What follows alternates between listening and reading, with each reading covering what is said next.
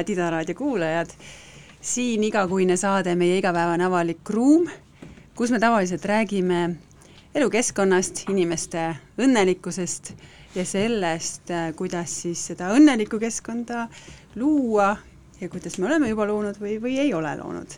ja viimased saated ma olen siis nihutanud seda teemade kolmnurka rohkem ka keskkonnakriisi ja kliima, kliimamuutuste konteksti, et rääkida sellest, kuidas süveneva keskkonnakriisi ajastul äh, sellisest kliimaahastusest võib-olla hoopis kliimainnustuseni liikuda, ehk palunud külalistel tuua häid näiteid, mõtteid sellest, mida me peame tegema elukeskkonna planeerimises, oma isiklikes valikutes, mida süsteemsel tasandil, mida ennetama ja kuidas üldse edasi liikuda. Ja täna on mul väga hea meel tervitada stuudios Tartu linna arhitekti Tõnis Harjust. tere, Tõnis! tere teile! Nonii, äh, Tartus oleme me rääkinud siin paar saadet varem ka mm -hmm. Merle Karro Kalberegiga mm -hmm. võsadest mm. -hmm, Tartu on kuulus oma sellise metsiku maastiku arhitektuuri poolest äh, võib-olla, mis veel ei ole nii levinud, aga küll ta hakkab Aha. aina rohkem seal seeme, seeme on juba kasvama pandud. just ja olen ka rääkinud äh, siis maastikuarhitektidega Tajuruumi mm -hmm. büroost. aga Tartu ongi hea näide sellisest äh, euroopalikust äh, avalikust ruumist, et aina rohkem neid mm. projekte on ju tekib mm. -hmm.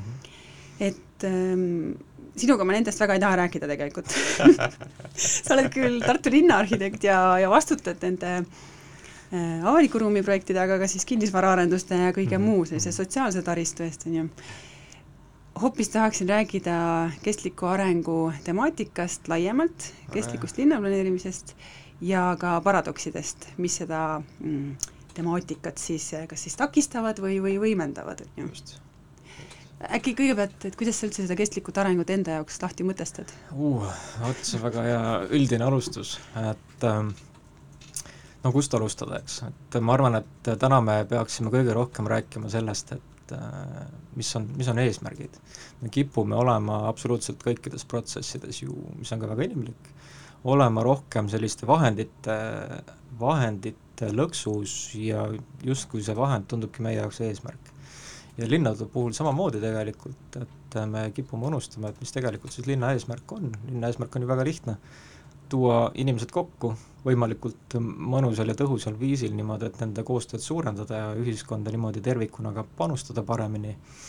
ja, ja nüüd sealt edasi, ma arvan, kui me suudame nagu sellest aru saada ja, ja võtame ka inimest kui mitte lihtsalt üks niisugune äh, parameeter, mitte üks masina, masinatükike, vaid tegelikult ka elav organism, kellel on oma mõttemaailm, mis on väga rikkalik ja metsik teinekord et eh, kuidas me siis suudame needsamad inimesed eh, võimalikult ägedalt kokku tuua mm. -hmm. ja, ja, ja ma arvan, et eh, noh, loomulikult kestlikkus nüüd siin, me võime sealt, ilmselt lähme ka saate ajal väga kaugele detailidesse ka, aga see on nagu see põhi, põhialus, millest me rääkima peame mm. -hmm. siis me, siis selle najalt me hakkame nagu aru saama, et kas see, mis me teinud oleme, on hea või halb mm. -hmm novembris toimus Tartus planeerimiskonverents, kus sa pidasidki siis ettekande kestliku arengu äh, paradoksidest mm. -hmm. et sa oled äh, siis kas, kas võib öelda, et sa oled kriitiline või sa oled lootusrikas äh, mm. selles osas? et planeerimiskonverentsil mul oli hea võimalus kaks ettekannet teha. üks oli puhas optimism mis näitas, mis näitas ka neid häid asju, mis me Tartus oleme korda saatnud mm -hmm. ja teine oli puhas pessimism, mis näitas, et äh, et selleks, et muutusi tegelikult ellu tuua linnaruumis, selleks me ei saa lihtsalt tegeleda oma vanade süsteemide parendamisega järjest tõhusamaks, ka energiatõhusamaks, äh, vaid me peame tegelikult juba hindama oma vahendite kasutust, kuidas me siis tegelikult äh, linna kasutame, kuidas me siin elame ja, ja siin võib-olla ei olegi nagu küsimus, et kuidas edasi minna, vaid et kui kaugele tagasi me peaks vaatama, et hinnata, et kus me siis muutusime liiga utilitaarseteks ja unustasime teised parameetrid linnaruumis ära mm. -hmm. aga millises suunas üldse siis ruumiloome peaks liikuma, et Eesti on väga tuntud sellise neoliberaalse, hästi turumajandusel mm, -hmm. kapitalismil, kasumil mm -hmm. põhineva linnaplaneerimisega, kus väga sellist mm -hmm mm, koordineeritud süsteemset planeerimist ei olegi toimunud mhm. mm. -hmm. see on nagu minu karm hinnang, aga seda on yeah. ka kinnitanud yeah. Äh, uurijad yeah. nii Soomest kui mujalt yeah..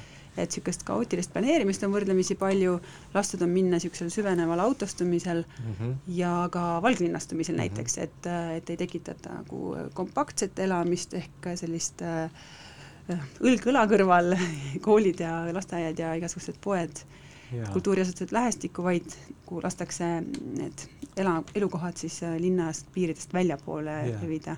et tegelikult, kuidas see tegelikult peaks äh, juba täna toimuma? noh, kõigepealt ma kommenteeriks seda nüüd kapitalistlikku ja kasumi, kasumipõhist äh, teemat ka, et ma arvan, et see on väga hea, et sa selle välja tood ja see on, see on tegelikult küsimus ka laiemalt täna, mitte linna planeerimises, aga ühiskonnas tervikuna, ah, absoluutselt tegelikult ka planeerimine, mis tahes valdkond on ju meie ühiskonna peegeldus, on ju. et tõepoolest, äh, ma küll ei oleks nii karm Eesti suhtes, et see on ikkagi globaalne probleem, et äh, just see kapitalismi utilitaarne pool, unustades muud väärtused ära, on, on, on tugevalt pealetungis aga ma näen tegelikult täna, kui me tahame optimistlikku saadet teha et ma näen ka täna tegelikult äh, nii ettevõtluses kui ka, kui ka poliitikas ka väga palju seda, et saadakse aru, et äh, kapitalism ei, ei tähenda puhtalt seda, et me räägime ainult kasumist ja tõhususest. mõiste iseenesest seda tegelikult ei eelda, jah, mingil ajal seitsmekümnendatel tõesti püstitati selline eesmärk, et kapitalismi püha lehm on kasumlikkus, kasum on see eesmärk aga täna tegelikult on see printsiip juba üsna tugevalt äh, kriitikat saanud ja, ja nii-öelda need, keda me peame klassikalisteks kapili-, kapitalistideks, nemad ka toetavad seda, et me, meie eesmärk absoluutselt ei ole ainult kasum, see on liiga utilitaarne eesmärk. Äh, miks seda on hakatud nägema ja uskuma, on see, et äh, nii ettevõtetes kui noh, kõiksugu asutustes tegelikult inimesed ei äh, ei leia ennast ju motiveerituna puhtalt äh, kasumi najal, eks, eriti kui see kasumlikkus lõpuks äh, ei tule mitte sellele reatöötajale kunagi tagasi, vaid see räägib ainult juhtidest mm. -hmm. Ja, ja seetõttu ma näen ka, et ühiskond laiemalt on valmis mõtlema nagu laiematele parameetritele. Äh, noh, ma arvan, et isegi huvitav hea näide on see, kuidas arhitektuuribiennaal see aasta rääkis ilust, ilu küsimusest, mis on tegelikult niisugune teema, mida nagu oi-oi-oi, ärge võtke suhu, et äh, räägime ikkagi sellest, et asjad on tõhusad ja eriti, kui me räägime energiatõhususest, eks, et me peaksime räägima justkui hoonete puhul ka järjest paremini funktsioneerivatest süsteemidest, aga ei, me ei saa unustada seda ära, et inimene on ikkagi emotsionaalne loom ja, ja tema, teda tuleb toita nagu igas, igas sfääris, igas mõttes, et muidu jookseb lihtsalt äh,, muidu jookseb lihtsalt süsteem kokku. nii, ja linnaplaneerimise juurde tulles mm -hmm. on tegelikult äh, sama asi, et kui me mõtleme ka selle nii-öelda liberaalse planeerimise peale äh,, siis äh, iseenesest need ambitsioonid, mis on inimestel olnud, on väga lihtne, lihtsad, et viimasel ajal ka ma sattusin ühe poliitikuga lühikesse dialoogi, kes ütles, et aga lase, lase inimesel ise otsustada, kus ta elada tahab, eks mm. -hmm. et iseenesest väga arusaadav ja lihtne printsiip, inimene tahab noh, kui me räägime näiteks valglinnastumisest, eks, et inimene tahab, et tema lapsel oleks hea muru peal joosta, et tal on puhas õhk ja, ja mõnus elukeskkond, aga kui sa nüüd lõppude lõpuks, kui sinna kolid, sinna ümber kolib veel tuhandeid inimesi ja kõik need inimesed lõpuks oma liikumisviiside tõttu hakkavad äh, reostama äh, teiste inimeste elukeskkondasid, siis me näeme, et see printsiip, et inimesel oleks hea olla, jah, ähm, teatud keskkonnal või teatud inimestele nüüd küll, aga ülejäänud ühiskond kannatab. see nüüd omakorda muidugi, et mõista seda probleemi, äh, see eeldab, ma näen, teatud solidaarsust ühiskonnas, et ühiskonna, ühiskonna sidusust ja solidaarsust ja mõista seda, et kui sa nüüd annad gaasi sellel tänavalõigul, siis võib-olla oli ühel lapsel seal just aken lahti ja nüüd ta ärkab üles ja karjub ja, ja, ja emal on tükk tegemist uuesti magama saada. või seal. Just, et selline väike näide, mis, mida võib viia tegelikult väga suurele skaalale. Ja see on nüüd see solidaarsusnüanss, mida, mida ühiskonnas äh, tuleb otsida ja leida aga mis roll on linnavalitsusel, sina põhimõtteliselt esindad ju Tartu linnavalitsust, oled seal linnaarhitektina töötanud, ütle, kui kaua, mitu aastat? Äh, seitse aastat. noh, päris pikalt ja, juba.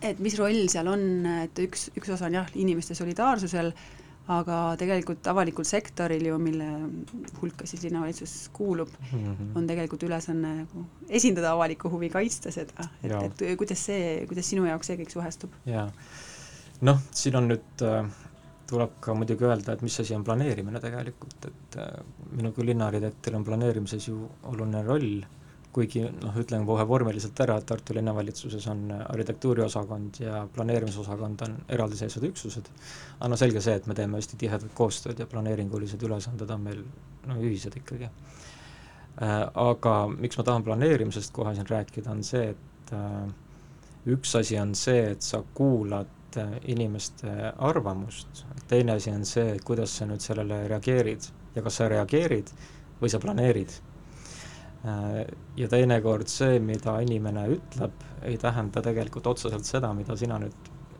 järeldama peaks ja sellele vastavalt ka tegutsema peaks.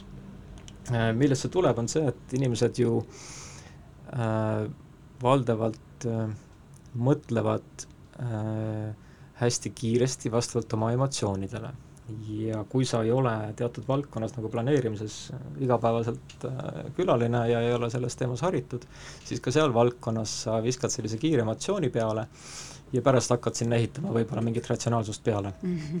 Äh, ja me teeme kõik seda tegelikult äh, eriti asjades, mida me nii hästi ei tunne. ja nüüd see on see koht, kus tegelikult planeerija ja ka ametnik peab siis kuulama tegelikult kõik need võimalikud emotsioonid ära ja hindama, et mis on siis tegelikult see suund, kuhu me liikuma peame. see igal juhul tähendab seda, et äh, sa ei ole kõigile meelepärane oma otsustes, planeerimine tähendabki ju seda, et sa suunad protsesse väga pika perspektiiviga ja ja, ja kui sa ainult lahendaksid kogu aeg niisuguseid igapäevaseid probleeme, emotsioone, siis sa jookseksid päris kiiresti ummikusse, seal ei oleks mitte mingisugust sidusust. ja selles mõttes ma panen planeerimisele hästi tugeva rõhu ma arvan, et Tartu on ka planeerimise aspektist olnud võrdlemisi tugev, et meil on, meil on, tahan tuua kohe välja oma kolleegi Indrek Ranniku, kes on tugevalt äh, hoidnud planeerimiskultuuri Tartus. Ja näiteks meie linnas kehtestatud kesklinna üldplaneering oli võrdlemisi tugev samm äh, kestliku linna planeerimise noh, sihtide seadmisel no muuhulgas siis loomulikult öeldi seal, et me peame tugevdama kesklinna kui südant. et hetkel, kus kesklinna üldplaneeringu menetlust alustati, oli, oli tunda seda, kuidas kesklinnast asutused välja jooksevad ja ähm, naljaga öeldi, et viime nüüd Lõunakeskuse juurde Raekoja ja et äh, need küsimused tegelikult said läbi kesklinna, kesklinna üldplaneeringu ma ei taha öelda, et lahendatud, aga juba planeerimine kui protsess tegelikult tõi välja niivõrd palju kasulikke dialoogi, mis pani inimesi mõtlema ja ka tegelikult äh, kavandama oma tegevusi teistmoodi. üks konkreetne näide näiteks on kvartali ostukeskus, mis sündis küll äh, veidi enne, kui keskne üldplaneering üldse kehtestatud sai, aga ta esindab oma arhitektuurilt sellist uut paradigmat. et kui ühel pool on selline introvertne äh, Tallinna Kaubamaja hoone räägib sellisest hoopis teistsugusest ajastust, et siis kvartal nüüd räägib hoopis, hoopis uuest olukorrast, kus mõistetakse, et hoone asub selles kohas, linnaruumis, ja ta kahtlemata, ta peab ennast ära siduma selle ümbritseva ruumiga, ta ei saa olla introvertne kast, vaid ta peab äh, suutma ka aktiviseerida seda avalikku ruumi seal ümber. ja, ja see on selline praktiline väljund, ma ütleks, või näide, et mis näitab, kuhu poole siis ka üldplaneeringu printsiipidega taheti joosta. nii et jah, planeerimine on kõige alus ja nendele, kes ei tea, mis asi on üldplaneering, ma arvan, et päris paljud ei tea tegelikult, ma üritan siin saates ka sellist ruumiloome sõnavara kuidagi levitada, mhm. üldplaneering on siis suurema piirkonna äh, tulevikuplaan, mis näeb ette, et kui ta on näiteks Tartu kesklinn, siis täpselt äh, kaardi peal niimoodi välja suumides, kogu kesklinn on näha, ta näitab ära, kus kohas on näiteks roheala, kus kohas on mingi äh, sotsiaalse funktsiooniga, noh, kas kool või staadion või midagi sellist, ta näitab ära, kus on ela, elamupiirkonnad, kus on mhm. mingid olulised transpordisõlmed, mhm. et sellise nagu üldistusastmega jah, strateegiline plaan. -hmm. aga räägi natuke, Tõnis, veel, et ähm, okei okay,, planeerimine on väga oluline Tartus, aga, aga sa tõid kesklinna üldplaneeringu sellise näitena, et kus juba kestliku arengu suundumusi arvestada, aga ka veel, et äh, mida te näiteks planeerimise kaudu ennetate neid siis teemasid või neid ilminguid, mis meil kliimamuutustega seoses on juba praegu kohal. no näiteks suuremad vihmahood uh, -huh. Äh, okei okay,, Emajõgi nii väga üle ei ujuta vist, on ju, Tartu ei ole no, merelinn. ta ikka, ikka ujutab päris tõsiselt, jah. Äh, rohkem kui varem siis? no sellega on nagu nii ja naa, et äh, uuringud ütlevad isegi, mis oli võrdlemisi üllatav meile, et äh, kogu aasta ulatuses sademete hulk tegelikult väheneb aga mis juhtub, on see, et need drastilised hetked mm -hmm. muutuvad noh, jõhkramaks mm. -hmm. Rohkem tuleb korraga. rohkem tuleb korraga. Ja see mm nüüd ei puudutagi nii väga seda Emajõe taset, vaid see puudutab pigem siis valingvihmadega kaasnevaid mm probleeme. ja see on nüüd küll teema, noh iseenesest on sellega tegeletud juba, juba aastaid, üldplaneeringus on ka seatud just Emajõe üleujutuste tõttu äh, hoonetele pluss-miinus null kõrgusmärk, ehk siis see kõrgus, kuhu Äh, hoone esimese korruse põrand äh, sattuda võib. Mm.. Et muidu on tõesti suppelinnas ja mõnes muus madalamas piirkonnas niimoodi, et kõrgvee ajal võib sul äh, jalad märjad olla. köögis süüa tehes on ju ja et ja see tegelikult on üsna keeruline teema ka, sellepärast et kui sa juba oled madalasse kohta linna planeerinud, ajaloolise linna, ja nüüd hakkad sinna selliste nõuete järgi uushooneid rajama, siis seal võivad teinekord totrad äh, ruumilised olukorrad tekkida, kus äh, uutel majadel on võrreldes vanade majadega väga kõrged soklid, aknad on väga kõrgel ja see ei tekita kõige paremat linnaruumi teinekord. Äh, aga nüüd seoses valingvihmadega, siis tõepoolest me oleme viimastel aastatel näinud, äh, kuidas mõned hooned, kus on tehtud väikesed projekteerimisvead, pole selle peale tuldud, et, et sellisel hulgal vett võiks tänavale alla korraga tulla ja, ja maa-alustesse garaažidesse on siis äh, voolanud nii palju vihmavett, et autod on seal ujuma hakanud. jumal tänatud, et siis äh, need elektrikappid on kõrgemal olnud, et need ei ole vee alla jäänud. aga vot need on sellised teemad, mida me hakkame täna alles äh, nägema ja kogema ja oleme ka sellel teemal päris palju kohtunud, noh näiteks Tartu Veevärgiga, kes nüüd pingsalt järgib ja jälgib selliseid, selliseid kohti äh, ja, ja üldplaneering saab kindlasti täiendatud ka selle osa pealt, et, et me järgmiste äh, ehituslubade menetluse käigus juba vaataksime selliseid nüansse. et iseenesest see ei tähenda nüüd seda, et me ei võiks äh, maa alla minna, et ruumi kokkuhoiu mõistes seda tihedamas keskkonnas teha ka tuleb mm. -hmm. aga sa lihtsalt pead võtma arvesse füüsikat ja, ja, ja tõesti kaasnevaid äh, dramaatilisi nähtusi, mis tegelikult kliimamuutustega tulevad, paratamatult tulevad ma võin ise ühe teema, teema veel sisse tuua, kui sul ei tule, et, et okei okay,, maa alla minnakse siis äh, ehitustegevusesse, millele siis eelneb see planeerimistegevus, on ju mm, -hmm. väga tihti äh, seoses parkimisega mm, -hmm. parkimiskohtade loomisega mm. -hmm. et äh, Eestis on transpordi osakaal siis süsinike jalajäljest umbes kolmkümmend protsenti, Tallinnas on ta kõige nagu drastilisem, et kuidas Tartus planeerimisega sellist autostumise süvenemist kas siis ennetate, ohjeldate või, või mm -hmm. ei lase lihtsalt juhtuda mm. -hmm. no enne, kui optimismi jõuame, ma räägiks siis pessimismist ka, et me siin äh, kevade poole ka Sirbis kirjutasin artikli meie linnatänavate standardist, mis on siin hiljaaegu saanud värskenduskuuri. ja see värskenduskuur paraku äh, kipub sinnapoole minema, et pigem soodustab autostumist, et äh, milles, milles probleem on, on see, et me tihti kui me mingisuguseid alusdokumente ette võtame ja kehtestama hakkame, siis jällegi me ei taha justkui planeerida ja käitumist kujundada, vaid me tahame tegelikult hoopiski äh, re reageerida nendele trendidele, mis meil täna on.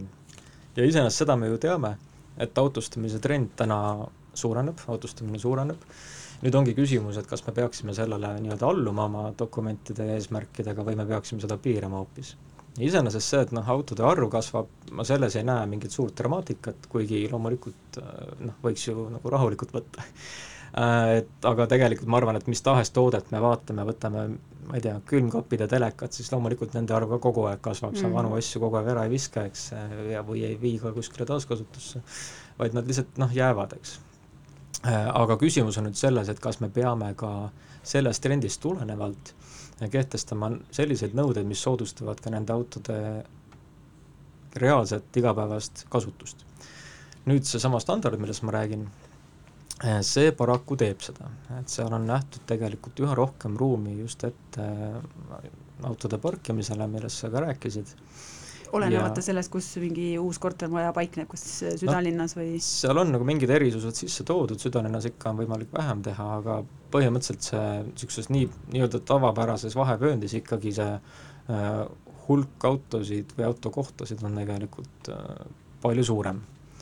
ja me näeme täna, et et äh, tegelikult kui me võtame seda standardit arvesse, siis me igatahes sellega anname signaali, et kui sul täna on üks auto, võib sul pole autot, siis nüüd osta ka teine mm.. Et kui sa näed sinna ette ruumi, sa kohustad inimesel sellise ruumi sinna rajama, siis noh, see ruum tuleb täita, eks, et see loodus tühja kohta ei salli.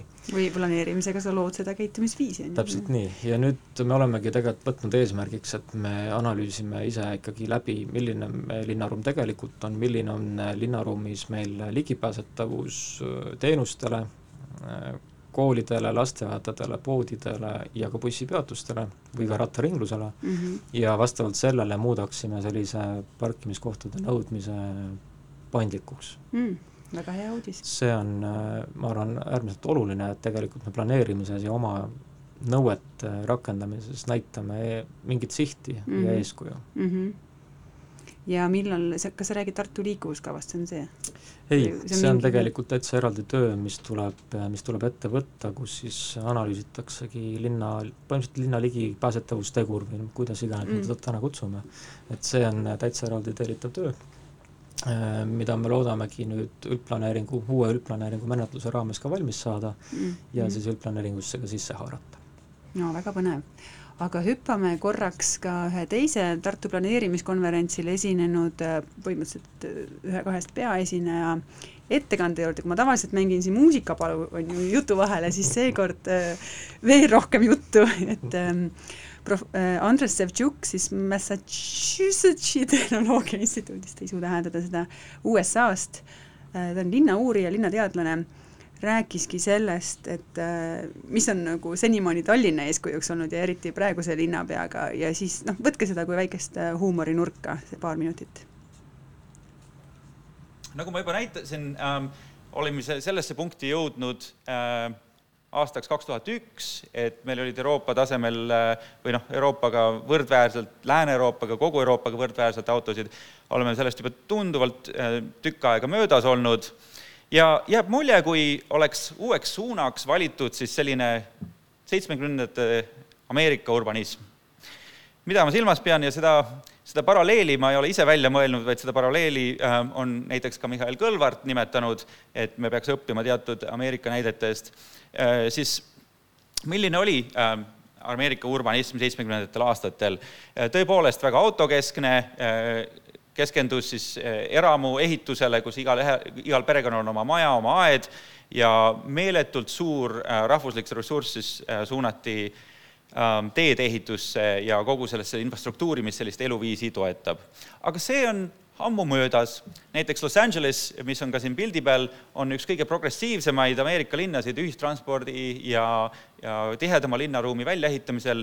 Los Angelesi äh, elanikkond äh, on nüüd kaks korda äh, heaks kiitnud äh, käibemaksu tõusu, mis otseselt suunatakse ühistransporti, nendel on aastaks kaks tuhat nelikümmend on LA-s siis kulutada circa kakssada miljardit USA dollarit ühistranspordisüsteemide väljaehitamiseks, mis on Ameerika ajaloo kõige suurem ühistrans-, ühistranspordi koordineeritud investeering. ja kui me vaatame ka ühistranspordi kasutamise trende teistes USA suuremates linnades, siis see sajaprotsendiline joon näitab äh, äh, seda tendentsi aastast kaks tuhat kolm kuni kaks tuhat kaheksateist. enamus suuremates Ameerika linnades on ühistranspordiga liikumiste äh, äh, viis äh, tõusnud äh, võrreldes kahe tuhande kolmanda aastaga, mitte langenud. nii et ma lihtsalt tahaks väita, et see nagu isegi võrdlus, et äh, me peaks õppima Ameerika urbanismist, on selles ju siinkohal nagu kohatu, et kui seda siis välja tuua, siis võib-olla me tõesti räägime seitsmekümnendate või kuuekümnendate Ameerika urbanismist, mitte praegusest Ameerika urbanismist selle võib-olla on hästi kokku võtnud ka New Yorgi endine linnapea, kes tänaste uudiste kohaselt võib-olla isegi kandideerib jälle presidendiks on kirjutanud, ähm, et äh, traditsiooniline linnade majandusareng on keskendunud, keskendunud tööstuse ja uute ettevõtete ligimeelitamisele maksusoodustuste abil. kuid uuel sajandil on välja kasvanud, kujunenud erinev ja palju tõhusam mudel. keskendutakse ennekõike tingimustele, mis inimesi köidavad. Nonii, väiksed tehnilised viperused, aga me saime need põhisõnumid kätte, et äh, kui siin ultraliberaalsed autokesksed äh, poliitikud ja linnaplaneerijad arvavad, et äh, õppust tuleks võtta Ameerikast, et ehitame rohkem ja rohkem teid, siis tegelikult äh, see juhtus Ameerikas kuuekümnendatel, seitsmekümnendatel. praegu, mis toimub Ameerikas suurtes linnades, on, et arendatakse ühistransporti, tehakse see nii konkurentsivõimeliseks ja, ja nii atraktiivseks, et ei peagi sinna autosse enam ronima mm. -hmm. et Tõnis, Tartus ju ka bussiliine sai hiljuti korrastatud mm -hmm. ja tegelikult ka Tartu üldplaneeringus on nagu trammi võimalus sees. et, et räägi natukene, et, et kuidas te ühistranspordiga toimetate Tartus? jaa, Tartus on tõesti ühistranspordivõrk, bussivõrk siis võeti päris põhjalikult vaatluse alla ja nüüd esimesest, ma võin valetada, aga minu arust juunist või juulist äh, toimus ka siis muutus süsteemis tervikuna ja koos sellega ka tulid kasutusele gaasibussid, mis muutis ka noh, oluliselt ka linnaõhku. et, et need on tegelikult väga positiivsed muudatused, mis, mis linnas on toimunud ja, ja loomulikult osa ühistranspordivõrgust on ka rattaringlus, mis avati ka juuni alguses. Ja see, mis muudatuse selline ülelinnaline rattaringlus äh, linna tõi, see on uskumatu tegelikult, ma olin tol päeval äh, Äh, Tartust ära, kui see avati ja kui ma siis mõni päev hiljem saabusin linna, sa said kohe sellest aru, et midagi on nagu valesti, midagi on teistmoodi. valesti ju no,? noh, tead küll niimoodi teistmoodi. Et need, kes ei saanud endale rattaringluse ratast, sest need võeti kohe muidugi kasutusele ööpäeväliselt mm, -hmm. et siis need otsisid ise oma rattad välja, kõik tahtsid järsku olla kahe ratta peal, mitte nelja ratta peal ja, ja seda, seda õhustikku oli kohe tunda linnaruumis. väga nauditav, tõesti mm -hmm. väga nauditav ja, ja ma arvan, et see on juba suur võit, et loomulikult me võime vinguda, et meie ilm on kehv, aga tegelikult kui meil jääb vahele ainult siin kolm-neli kuud äh, külmal perioodil ja isegi, isegi muudel aegadel me otsustame kasutada äh, veidi säästlikumaid liikumisviise, siis me suudame, suudame päris palju muuta linnakeskkonnas. aga Sevtšuki kuulates, siis vot sellega on see häda, et mm, skeptik, skeptik vastaks niimoodi, et Äh, et vaata, ameeriklased, nad tegid oma need suured ringteed ära mm, -hmm. aga meil on nad valmis ehitamata, me ei saa veel tegeleda julgete kesklinnade ja ühistranspordi investeeringutega. Äh, mina loomulikult ei ole selline skeptik, et ma näen tegelikult, et äh, ilmselgelt see, kuhu me raha suures koguses investeerime, siis see on see liikumis- ja käitumisviis, mida me soodustame aga täna meil on äh, nii Tallinnas, Tartus kui paljudes teistes linnades seesama mõttemaailm, et kõigepealt teeme valmis suured äh, transiitliikumised ümber linna või ka läbi linna ja alles siis me saame hakata tegema teie, tegelema teie nunnude rattateedega, eks mm. -hmm. see on siis poliitikute surve, jah? et sama jutt oli ju meil Peatänava puhul Tallinnas mm -hmm. ja, ja, ja täpselt samad teemad on kus iganes, kus iganes Eestis ja ka Euroopas.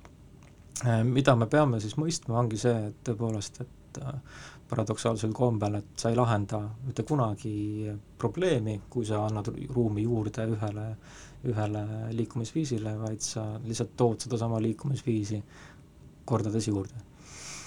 ja see on see äh, paradoks, et seda paradoksi äh, uuris juba tegelikult üheksateist sajand härrasmees nimega Jevons, kes laiendas seda muidugi, tema ei tegelenud autodega tol hetkel ilmselgelt, üheksateistkümnenda sajandi keskpaigas või lõpus, äh, aga ta nägi tehnoloogia arengus üldiselt seda, et lihtsalt tehnoloogia sellise vahendi arendusega äh, ja tõhusamaks muutmisega sa ei muuda tervikuna ühiskonda tõhusamaks. ja kui me vaatame täna, kus olukorras me ka siis globaalselt kliima, kliimaga oleme, siis on ju selgelt näha, et absoluutselt kõik autod on ju Fordi D-mudelist kordades tõhusamad, aga tänu sellele arendusele, mis seal taga on ja sellele tööstusele ja PR-ile, mis seal taga on, meie me tarbime lihtsalt seda vahendit oluliselt rohkem mm -hmm. ja läbi selle liigume ka kliima suhtes, keskkonna suhtes ainult äh, pahemuse poole lisaks on ju kõik need uued energiaautod või hübriidautod nagu uus autopark, et need on lisaks sellele, mis meil juba siin praegu on, samamoodi tegelikult ja. isejuhtivad autod on ju ja. lisanduv nagu ja. mehhanism. absoluutselt. ja noh, isejuhtivatest autodest rääkides, seal on neid muidugi ohte päris palju, äh, seal on ka plusse kindlasti ja absoluutselt igal tehnoloogilisel arendusel ju on äh, eesmärk, tõhusamaks muutmine iseenesest on väga hea eesmärk mm, -hmm. aga mhm. sa pead äh, sealjuures ka silmas pidama seda terviksüsteemi, et, et sa ka rakendad noh, muid printsiipe. ja isetõhusus või selle isesõitvate autode puhul on ju põhihäda see, et äh, taaskord me suurendame läbi tehnoloogilise arengu, arengu äh, mugavust.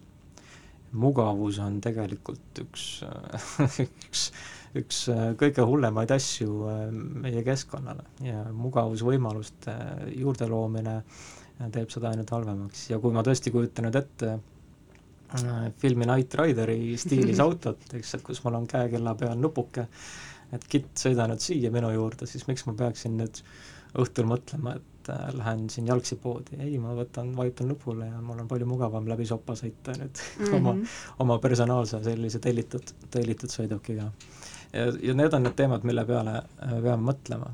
Tšeptšuk rääkis ka isesõitvatest autodest ja ta pööras tähelepanu sellele, et äh, teine nüanss on äh, see, et mida, mida tegelikult isesõitev auto lõpuks taristule tähendab.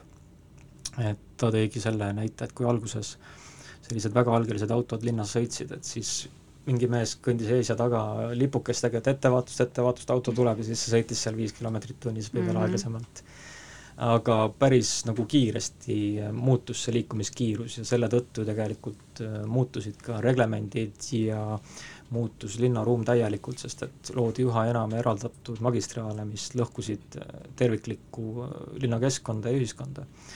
ja kui me nüüd kujutame ette isesõitvate autode arengut ja, ja mõtleme selle peale, millised ohutusnõuded võivad sinna rakenduda, siis me võime rääkida veel suurematest katkestustest ja magistraalidest, mida, või nõuetest, mis siis selliseid katkestusi tekitavad.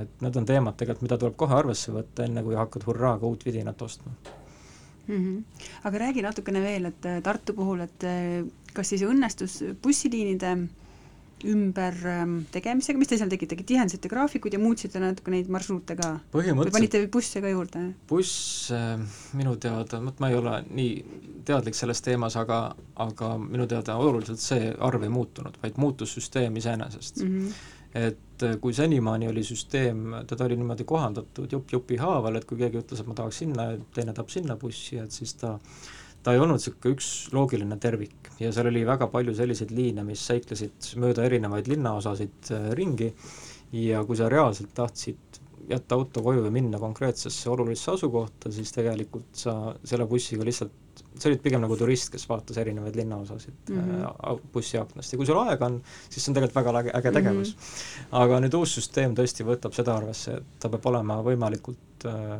mugav, loogiline ja kiire et lisaks sellele, et muudeti siis ka busside trajektoorid loogilisemaks, ühendati ära paremini siis väga tähtsad sihtkohad, siis muudeti ka intervallid jah, et varem oli noh, lihtsalt kui sa vaatad seda ajakava, millal buss tuleb, siis ta varem oli niisugused suvalised numbrid järjestikuliselt.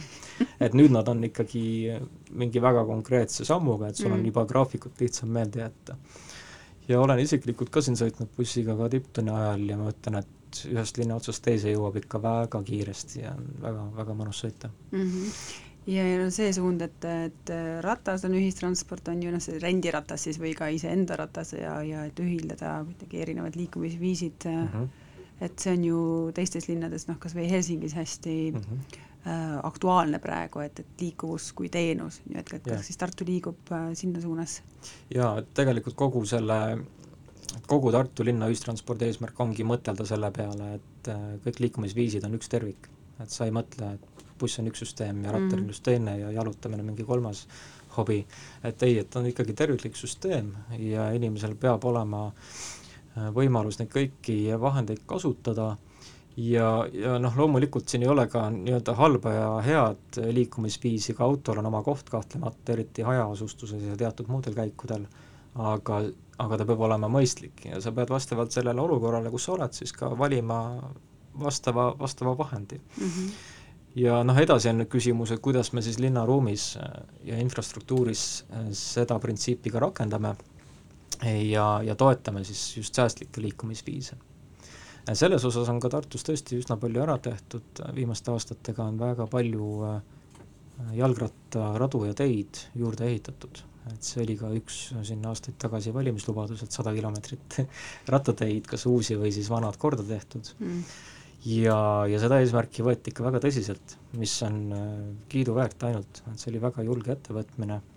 Äh, muuhulgas said selle raames valmis ka näiteks Vaksali tänava rattatee koos siis ka Vaksali väljakuga raudteejaama ees ja ka Annelinna läbiv Anne, nii-öelda Anne tänava kaar siis, mis ühendab ära kõik asutused, mis Annelinnas on, nende elanikega. ja, ja loodi sinna reaalselt ka üks ka väärtuslik ruum, mida sul on võimalik mugavalt kasutada.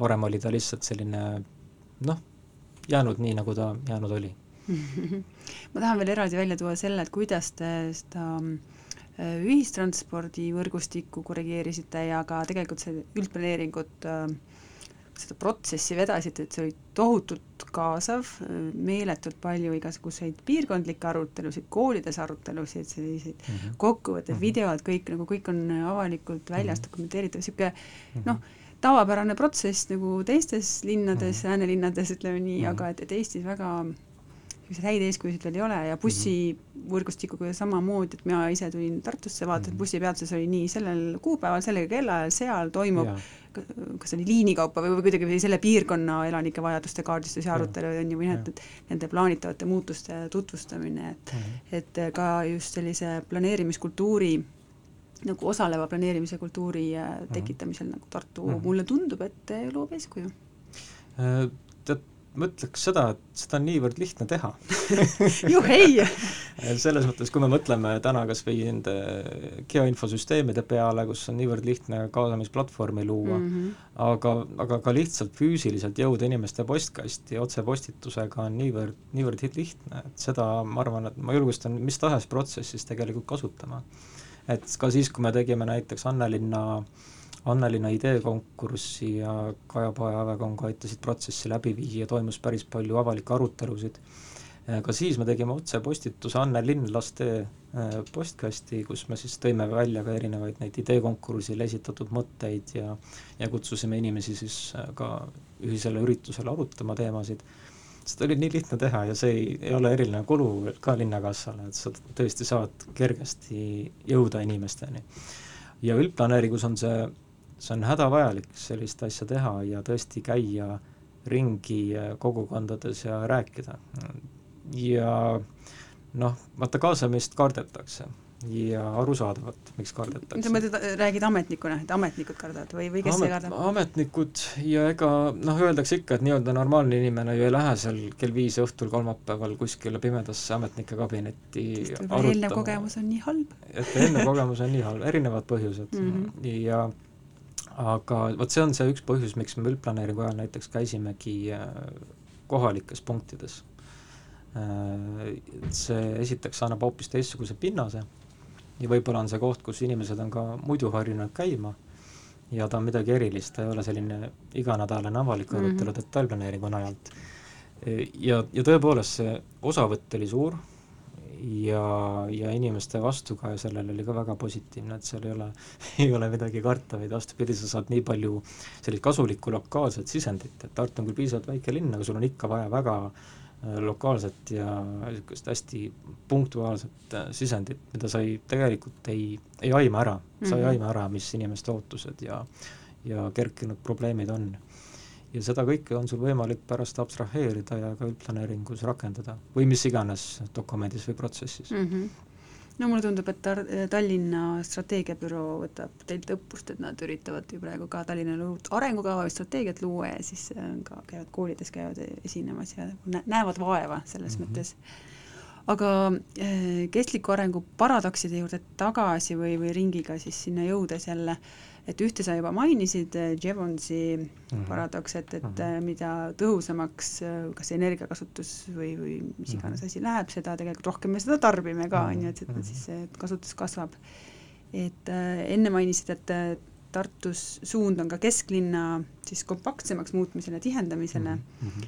ja nüüd järgmine nii-öelda muusikapala siis Andres Sevtšukilt, kus ta räägibki transpordiparadoksist, sellest, kuidas äh, kui nõudlus sellise eratranspordi järele kogu aeg tõuseb, aga samas nagu linnaruum tiheneb, mis siis juhtub? kuulake. ja kui me räägime äh, tihendamisest äh,, mis tihtipeale siis pikas perspektiivis ligipääsetavust äh, äh, aitab, eriti mitte äh, autoliikluse tasemel äh,, siis äh, ei saa mainima, et jätta võib-olla ühte niisugust põhilist transpordiparadoksi, mis äh, paljudele, kes käivad äh, planeerimiskooli läbi, tuleb võib-olla ühel hetkel niisuguse ahaa-momendi või üllatusena, et äh, kui me mõtleme äh, tiheduse ja transpordinõudluse suhtele, siis reeglina me arvestame, et mida rohkem tihedust kuhugile paigutatakse, seda rohkem on ka vaja motoriseeritud transporti äh, pakkuda, ehk siis teede võimekust ja, ja, ja parkimiskohti ja nii edasi. aga tegelikult jõuab tihedusega kaasa tuleb tihedusega kaasa ühel hetkel selline haripunkt, kust edasi hakkavad liikumisviisid nihkuma teistesse valdkondadesse, ehk siis inimesed käivad rohkem jala, kui on kuhu jala minna, või sõidavad teiste liikumisviisidega, mida kõrgem tihedus äh, võimaldab. ja see on loomulikult näha ka paljudes Euroopa linnades, kui me näiteks vaatame äh, Londonit, kui suur on äh, ühistranspordi või jalgsi käimiste arv linna piires, London on üks tihedamaid linnu Euroopas, siis on see otseselt seotud sellega, et tihedus tekitab rohkem sihtpunkte, kuhu minna, ja see tekitab järjekordselt äh, rohkem jalgsi liikumisi või ühistranspordiga liikumisi. ja see toetab omakorda ka sellist tänavakultuuri ja jaeettevõtlust, poode, teeninduspindu, restorane tänava tasandil, sellel on omakorda niisugune kahekordne efekt, et ühest küljest tähendab suurem tihedus seda, et asustust äh, või et rohkem kliente ja, ja ja liikumisviiside või liikumiste algpunkte asub nende poodide, restoranide, teeninduspindade läheduses, järelikult neid külastatakse rohkem.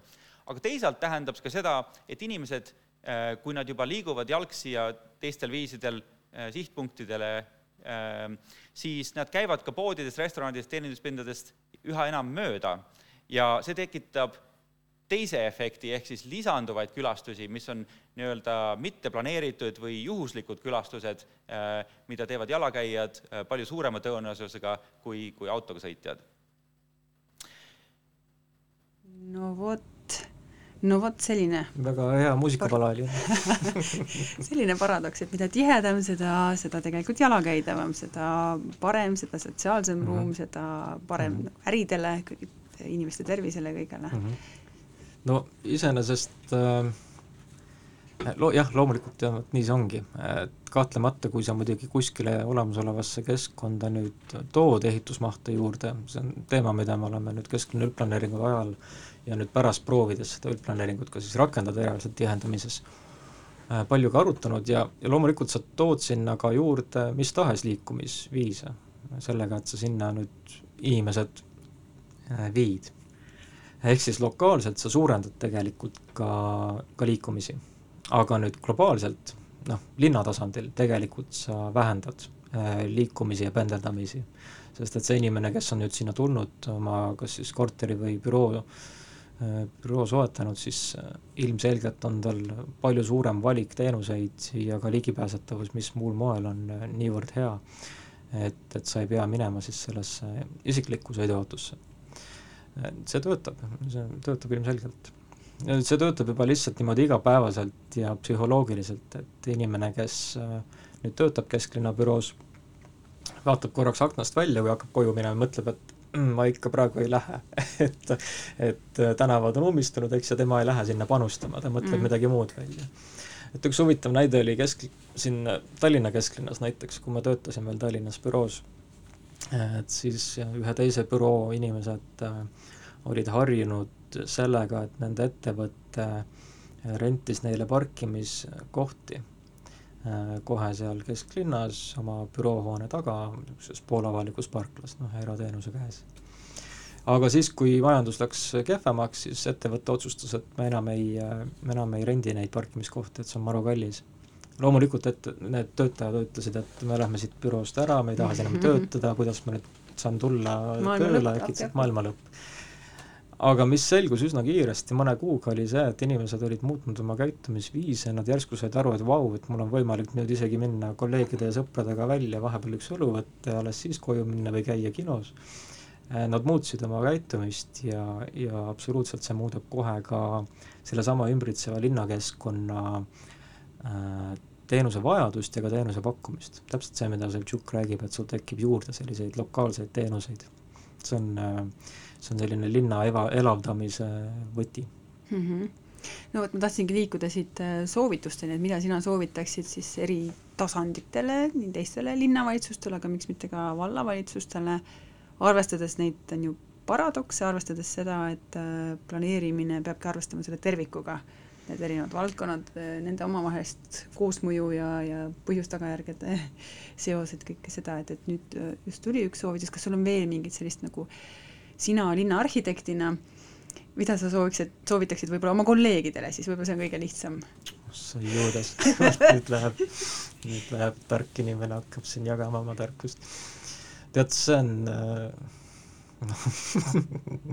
see on selles mõttes äh, keeruline küsimus, et noh, mina, mina tahaks optimistina öelda tegelikult seda, et ma näen juba ise, et äh, see mõttemaailm millest me täna siin terve saate oleme rääkinud, võtab ise võimust mm. -hmm. ja, ja nii see peabki olema, sa ei saa minna ja öelda, et tehke nii. Siis lihtsalt inimesed just ei tee nii. Selles mõttes ma olen ka väga ettevaatlik õpetussõnade jagamisel, äh, aga mida tuleb järjest rohkem teha, on seda teadlikkust tõsta ja just selliseid äh, mis võib-olla planeerimis äh, hariduse saanud inimesed peavad elementaarseks neid samu paradokse esile tuua neid rohkem selgitada. Ja, ja ma ütlen, et need teemad ja probleemid ja suhtumised on meil tõesti üle Eesti ühesugused. et jah, loomulikult mingis skaalas me ei saa rääkida väikelinnas ja Tartus või Tallinnas samadest, samamoodi asjadest, aga laias laastus on need küsimused samasugused ja, ja neile tuleb noh, taktikaliselt ka teistmoodi läheneda, aga, aga ma tahan siin olla ka Tartu mõistes nii-öelda tagasihoidlik äh, mõnes mõttes, et äh, Tartus võib-olla on asjad sellepärast ka hästi õnnestunud, et ta on täpselt paraja suurusega linn. Äh, Tallinna suuruses linnas on silotornid kerged tekkima ja lihtsalt koostöö kui selline ei ole kerge, kerge tekkima, see on juba esimene probleem väiksemas linnas kui Tartu, seal on juba noh, teine nüanss, et inimesi on vähem ja ühest küljest sul on raske saada ka niisugust piisavat pagasit äh, inimesi, kes töötaks ühise eesmärgi nimel, et sa pead väga nagu, väga vastandlikes olukordades teinekord olema. Ja teisest küljest on seal niivõrd väike kogukond, et, et, et sa kogu aeg astud väga konkreetsetele jalgadele või varvastele, kes kohe sulle, kohe sulle vastu panevad. Äh, aga Tartu on just selline vahepeal, et ta ei ole liiga suur, ei ole liiga väike ja see on nagu olnud üks ka õnnestumise kohti, ma arvan. Kuigi ma ütlen, et suhtumised, probleemid ja, ja väljakutsed on täpselt samasugused mm. -hmm. nii et ei andnud ma mingeid soovitusi ei, sa võid rääkida lihtsalt teises formaadis, et kui mina oleksin näiteks mingi teise a la Tallinna linna arhitekt, siis mida ma teeksin oh,? olgu, ma ei hakka sind piinama, aga ütle, kuidas sa käid äh,, linnaarhitektidel on alati väga suur surve nii poliitikute poolt kui ka arendajate poolt, et uh -huh. meil on mhm. just täpselt seda vaja, kas on see ringtee seal Lõunakeskuse juures või see on mhm. -huh. parkimismaja täpselt uh -huh. Raekoja platsi kõrval uh, -huh. et äh, kuidas sa nendes olukordades äh, mm, siis sellist kestlikku arengut taga ajad ja sellist avaliku huvi kaitset mm, -hmm. mõned võib-olla näpunäited või, või mingid mm -hmm. head mõtted? no Tartus on see üks suur pluss, et äh, kui ma, kui ma tulin Tartusse tööle linnaarhitektina, et siis ta, see ametikoht oli, oli ühe väiksema üksuse juht, aga tänaseks on see muutunud juba osakonna juhatajaks, mis tähendab seda, et see igapäevane koostöö linnavalitsuses on ja, ja ka teiste osakondadega on palju suurem et see on andnud hea võimaluse inimestega koos asju arutada ja ja teatud nüansse välja tuua sellistes võtme, võtmehetkedes. et väga tihti tegelikult juhtuvad teatud otsused ühel niisugusel suhteliselt suvalisel hetkel ja siis on oluline, et õiged inimesed kohal on ja midagi mm. kostavad. sest noh, seda know-how'd lihtsalt on vaja, et kui me mõtleme ka äh, poliitik-, omaniku rolli peale, siis see on nagu meeletult keeruline, keeruline ülesanne täita, et mina ei, mina ei kujuta ette, et ma oleksin näiteks abilinnapea, uskumatult raske. Äh, ja sa ei suuda olla ju igas teemas detailsuseni kursis ja see on see hetk, kus sa pead siis õigel hetkel ka oskama küsida nõu ja vastavalt sellele siis kujundada selle seisukoha. Et aga jällegi, eks see informatsiooni jagamine siis ametniku poolt äh, õigel hetkel, õigel ajal ja õiges suunas, see on nagu üks, üks, üks põhiülesandeid. ja ega ta ei erine tegelikult arendajate puhul ka, et meil on äh, noh, loomulikult on nii-öelda õnnestumisi ja ebaõnnestumisi nagu igal pool, aga on üsna palju selliseid noh, tahtmisi või mõtteid arendajatel tulnud, mis tunduvad neile jube ägedad, äh, aga kui sa nagu võtad selle oma professiooni tasandil nende jaoks lahti, selgitad selle ära, et mis, mida see tegelikult siis tähendab ja et noh, näiteks, et kui nüüd kõik arendajad hakkaksid seda tahtma, et milliseks mm -hmm. siis linnaruum kujuneks mm, -hmm. Siis ta saab aru absoluutselt, et sa oled talle ära selle selgitanud, ehk siis see selgitamisvajadus tegelikult mis tahes tasandil, see on, äh, see on kõige olulisem ja noh, see on ka kõige keerulisem aga kuidas Tartus on, kui palju on selliseid arendajaid või kinnisvaraomanikke, maaomanikke, kes tulevad, ütlevad, okei okay,, ma tahan siia uut maja, ma tahan teda võimalikult äh, energiatõhusalt uh -huh. ja mhm. ma ei taha mitte ühtegi auto kohta, nagu lõpetage ära see, noh, ütleme, et see on näiteks paikneb kesklinnas uh. -huh. kas on selliseid? ma imestan -huh. et kus, kus nad äh,, Tallinnas on neid võib-olla ühe käe sõrmedel uh. -huh äh,. Vot ega ma jah, Tallinnat ma ei oska kommenteerida, Tartus ikka võetakse mõistusega seda teemat, kahtlemata ega arendaja jaoks on ju igasugune taristu rajamine ka kulu, ehk siis ta peab väga hästi aru saama, et kas see investeering, mis ta sinna teeb, lõpuks ka kasutusele läheb. et täna on ka tegelikult paljud ettevõtjad öelnud, et seesama näiteks see parkimisstandard, eks, mis näeb ette väga palju kohti korteri kohta, et juba tänane tegelikult nõudlus seda ei eeldaks mm, -hmm. inimesed ei taha neid kohti ja jällegi skeptik vastab, et eks siis inimene ju, ju ta siis pargib tänaval, eks, et ei, sellepärast ei taha osta seda, seda kohta. aga siin me tuleme tagasi siis selle suunamisplaneerimise peale. aga on ikka, et, et seda mõttemaailma ma näen küll arendajate puhul väga palju, et kes tõesti panustavad inimeste säästlikesse liikumisviisidesse, parandavad ka rattahoiukohtade rajamisvõimalusi ja ise siis ettevõtjad ja nii-öelda ülemused, keda sa muidu ei kujutaks ette näiteks ratta seljas mm, -hmm. tegelikult ka kasutavad äh, jalgrattaid, jalutavad väga palju, et Tartus on muidugi ka linnaruum seda soodustab mm. -hmm. aga kas sul on siis õnnestunud mõni arendaja selle selgitustööga nagu täiesti ümber veenda, et ta tuleb mingi ühesuguse projektiga mm, -hmm. ütleme noh, mingi selline mm -hmm. ikkagi selles ultraliberaalses vaimus, et ja ja, mhm. ja on ju, et kümme korterit, aga kakskümmend autokohta mm -hmm. ja siis äh, lõpptulemus on hoopis see, et, et äh, noh, ongi kakskümmend rattakohta selle asemel tead, mina inimeste nagu sellisesse ähm, süvaveenmisesse tegelikult ei usu, et inimeste muutmine on ikka ei, sa ütlesid selgita, et selgitust pigem keeruline, aga, aga sa suudad nagu ratsionaalselt tõesti ära selgitada, et miks sa ei, ei päde. Äh, et jah, selles mõttes suudad küll äh, selgitada, et see ei õnnestu, aga ma arvan, et südame põhjas ikka nad jäävad nagu iseendale kindlaks. Äh, ja, ja ega see, tõesti need emotsioonid inimestes muutuvad väga raskelt ja visalt. aga tähtsam ongi, ma arvan, see, et me paratamatult me oleme sellises kompromisside maailmas ja see käib asja juurde, see ongi mängu ilu. ja sealjuures äh, sellised head mängijad, head partnerid äh, võtavadki arvesse üksteisepoolseid selgitusi ja jätavad iseenda, iseenda emotsioonid, iseenda isik-, isiksuse korraks äh, ukse taha mm. see, mis ta pärast kodus teeb, see on tema enda asi mm,. ehk siis sellise dialoogikultuuri olulisus. absoluutselt. aga kui sina oleksid nüüd ise kinnisvaraarendaja, mida sa teeksid selleks, et võib-olla rajada teed siis sellise keskkonnasäästliku mm, ehitamise või renoveerimise või, või avaliku ruumi loomise juures mm.? Noh, mina nii majandus majanduskauge inimesena võiksin lubada igasuguseid asju, aga tegelikult kui ma lõpuks siis numbreid hakkan vaatama, eks, et ise ütlesid, et kapitalism ei aja numbritega vot, aga sa ikkagi oled siin maailmas ja siin süsteemis.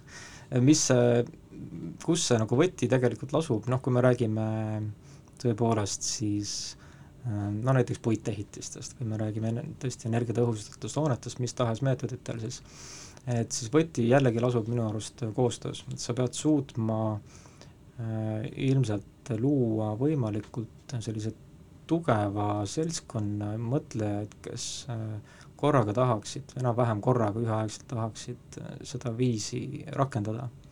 Äh, üksiku üritajana kui sa ei ole nüüd meeletult suure ampluaaga tüüp mm, -hmm. üksiküritajana sa lihtsalt noh, sa ei jää ellu, sa ei jää ellu selles masinas. Et selle, selle tõttu sa pead võtma tõesti suuremalt ette. ja noh, täna me tegelikult näeme nii mis tahes valdkonnas jällegi, võime rääkida siin kas või äh, ma ei tea, muusikutest, Massive Attack siin võttis ette näiteks uurimuse, et kuidas viia läbi suurt tuuri niimoodi, et see oleks ka kliima mõistes äh, mõistlik mm. ja juba nad näevad, et sa pead tegelema esiteks sellega, et äh, kus see toimub ja millist tehnoloogiat sa koha peal kasutad, aga ka sellega, et kuidas tegelikult publik sinna jõuab, et need on kaks kõige suuremat äh, energiakulukat nüanssi. ja ja no ehituses, ehituses on ju äh, täpselt samad teemad tegelikult, et äh, kuidas sa ehitad, milles sa ehitad ja ja kuidas kogu, kogu elukaar, alates nagu tooraine kõige, kõige alg-, algse, algsemast punktist kuni siis äh, maja mitte isegi valmimiseni, vaid maja lammutamiseni välja, et milline see elukaar siis on. et seda kõike pead sa, pead sa arvesse võtma aga mida ütled sa nendele arendajatele või maaomanikele, kes teavad, et jaa, jaa, minu krunt, minu ehitised siin, et mind ei huvita, et see on avalik jõeäär või et see peaks olema avalik tänav, et noh, et mina mm. panen oma tõkkeposti siia ette või ehitan hoopis sadama. ei no absoluutselt, sellist mõtlemist on ju, on, äh, ma arvan, et jällegi vähem kui varem Äh, aga, aga selle vastu ei saa, et inimesed erinevad on. ja see nüüd puudutab muidugi jah, laiemalt meie olukorda ühiskonnas, kus me kahjuks näeme ka muidugi sellist polariseerumist tugevat. et väga vastandlikud suhtumised, ühed on siis oluliselt solidaarsemad ja mõned on äärmuslikult endasse tõmbunud, et nad üksteisest lähevad nagu veel kaugemale, ma loodan, et me suudame ikkagi lõpuks keskpunkti kokku tulla ja, ja, ja mõista üksteist ja arendada ühiskonda tervikuna. Oi kui see oli väga ilus idealistlik ja okei okay,, aga kui Tõnis Harjus, ta Tartu linnaarhitekt, kui sina oleksid ja sa oled ka linnakodanik, on ju, mhm. et pane ennast nendesse kingadesse ja, ja et mida sa saad ähm, noh, kas siis nõuda kestlikult linna planeerimiselt või mm., või kuidas sa saaksid seda planeerimist sinna kestlikkuse suunas mm. aidata liikuda? oh, aga see on ju väga lihtne selles mõttes, et tuleb häält teha kõige suurem vajakajäämine ongi tegelikult see, et inimesed ei ütle välja seda, mida nad mõtlevad ja mida nad tahavad. ja viimasel ajal on väga palju ka häid näiteid, kus inimene tõesti ütleb, et oi, et ma ei leidnud siin tänavalt ega ka kõrvaltänavalt ja kolmandalt tänavalt kuskilt näiteks äh, äh, koera junni prügikasti, eks. kuu aja pärast pärast seda, kui ta tegi märkuse linnavalitsusel, on kõik need prügikastid seal olemas. reageerid ja sulle antakse mm. -hmm. ja tegelikult äh, mis tahes teemas sa peadki äh, ikkagi ütlema, et mida sina ühiskonnalt ootad, keskkonnalt ootad ja, ja seda tõepoolest võetakse mõttesse, võetakse eesmärkidesse. Ja kahjuks on loomulikult täna nii, et nii-öelda nõrgemad osapooled ühiskonnas, lapsed ja vanemad inimesed ja noorukid, nende hääl jääb tahaplaanile, sest et nad on äh, paratamatult sellistes protsessides äh, vähem aktiivsed. ja, ja noh, nende häälte saamine, vot see on, see on see keeruline nüanss. ja see on see, kus kaasamine peab täitma oma rolli ka, et sa ei saa eeldadagi, et nad järsku hüppavad meeletult aktiivseks, vaid sa pead olema ka see aktivisaator. Et sa mhm. kutsud neid siis ütlema, milline on see ruum mm. -hmm ja, ja läbi selle, ainult läbi selle, et me saame teada siis, mida inimesed näevad, kuidas nad ruumi kogevad, läbi selle me oskame teha ka targemaid otsuseid siis ka ruumi planeerimises. väga ilus lõpp sellele, aitäh sulle, Tõnis, ja palju edu Tartu euroopalikuks linnaks muutmisel, Tartu eh, avaliku ruumi mekaks tõstmisel Eestis ja, ja eks ka mujal. ja kultuuri pealinnaks saamisel. ja muidugi selleks ka. aitäh sulle, Teele!